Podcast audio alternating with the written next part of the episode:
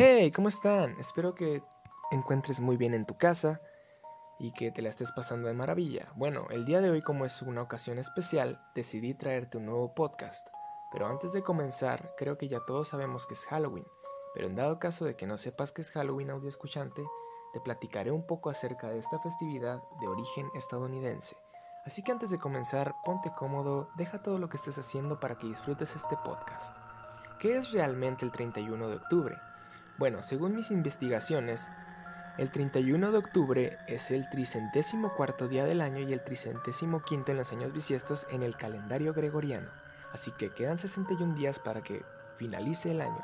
Halloween o Halloween es una contracción de All Hallows Evening, también conocido como Víspera de Todos los Santos, Noche de Todos los Santos o Noche de los Muertos.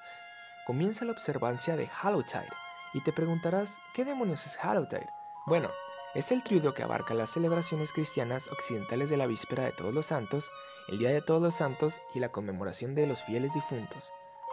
Pero he aquí lo interesante, ¿cómo fue que llegó a Estados Unidos? Bueno, la aparición del cristianismo y su extensión por toda Europa inició una serie de cambios. Por ejemplo, la festividad de Todos los Santos, que se celebraba históricamente en mayo, fue cambiada por el Papa Gregorio III en el siglo VIII al 1 de noviembre, fiesta que años más tarde alcanzó el carácter universal.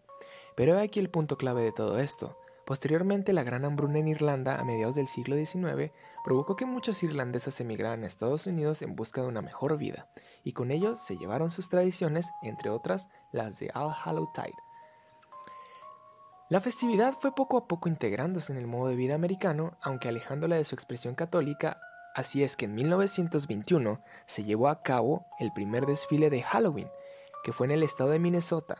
De ahí traspasó las fronteras y llegó al resto de los estados, solo que hubo un paso antes de todo esto.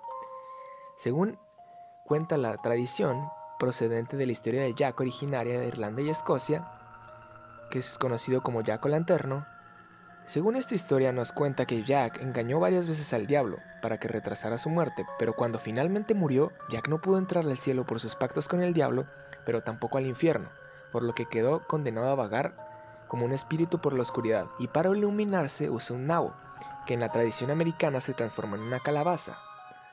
De ahí se pasó a los adornos, los disfraces y a convertirse en una de las fiestas más tradicionales de los Estados Unidos.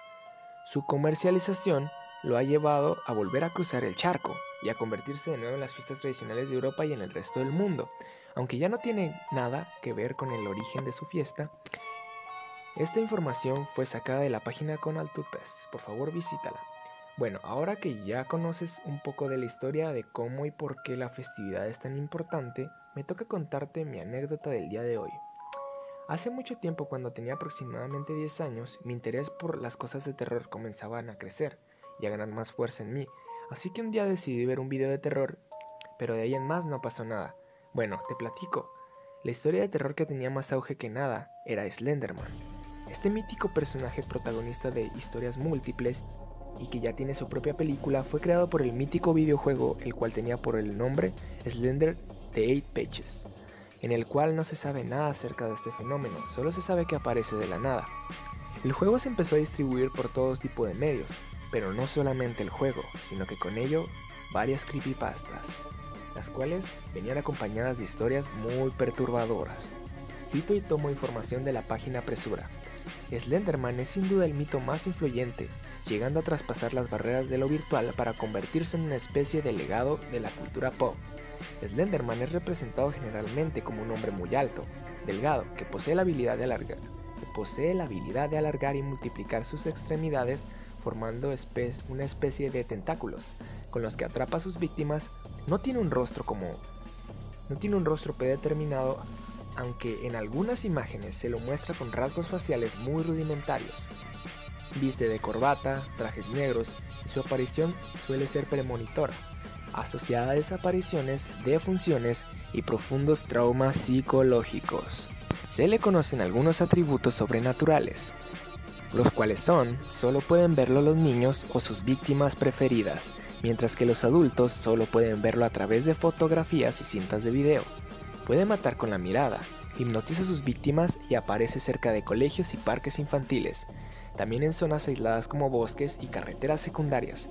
En algunas versiones se afirma que es de origen extraterrestre, otras que es fruto de un experimento, otros dicen que es una criatura tan antigua como el tiempo y definen su existencia basándose en ilustraciones antiguas, verídicas o falsificadas, que recuerdan vagamente a este personaje. Existe incluso un ritual de invocación llevado a la práctica por usuarios que comparten su experiencia en forma de videos domésticos, inspirados por el auge de terror casero al más puro estilo de la, de la bruja de Blair. Bueno, ya que les pude introducir un poco de este personaje, les empezaré a contar mi historia y mi trauma con este ente.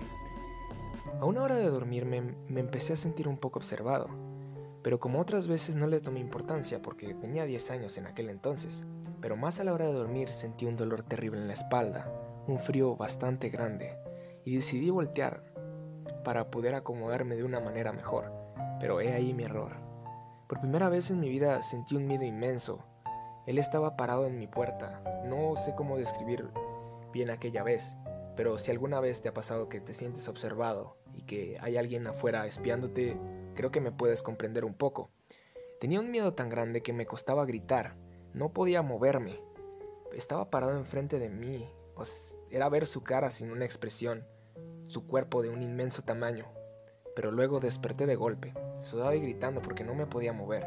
En aquel entonces no pude darme cuenta de lo que había pasado.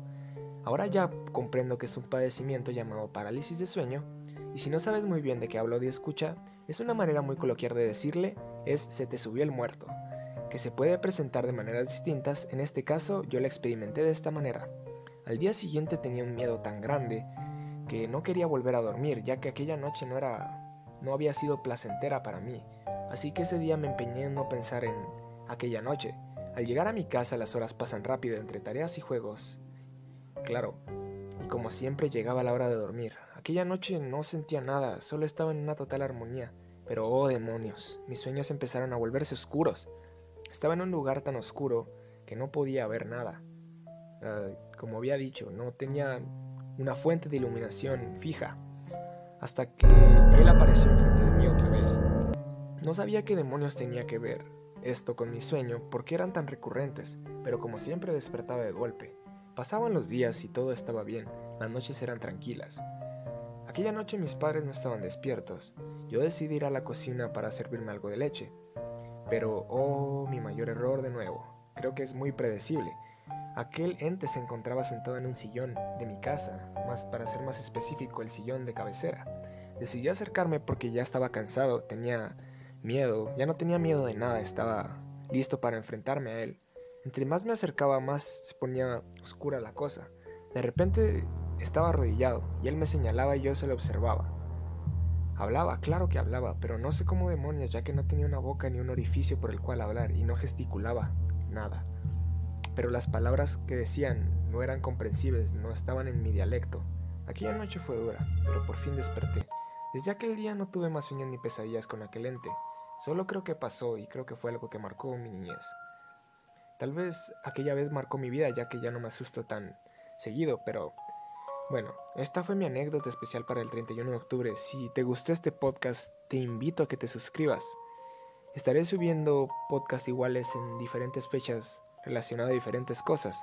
También la ambientación fue gracias a esta página, Patrick de Artega. Ve y visítale.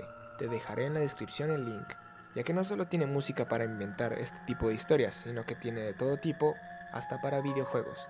Muchas gracias por escuchar esto. Yo soy Calacos y nos vemos en un próximo video.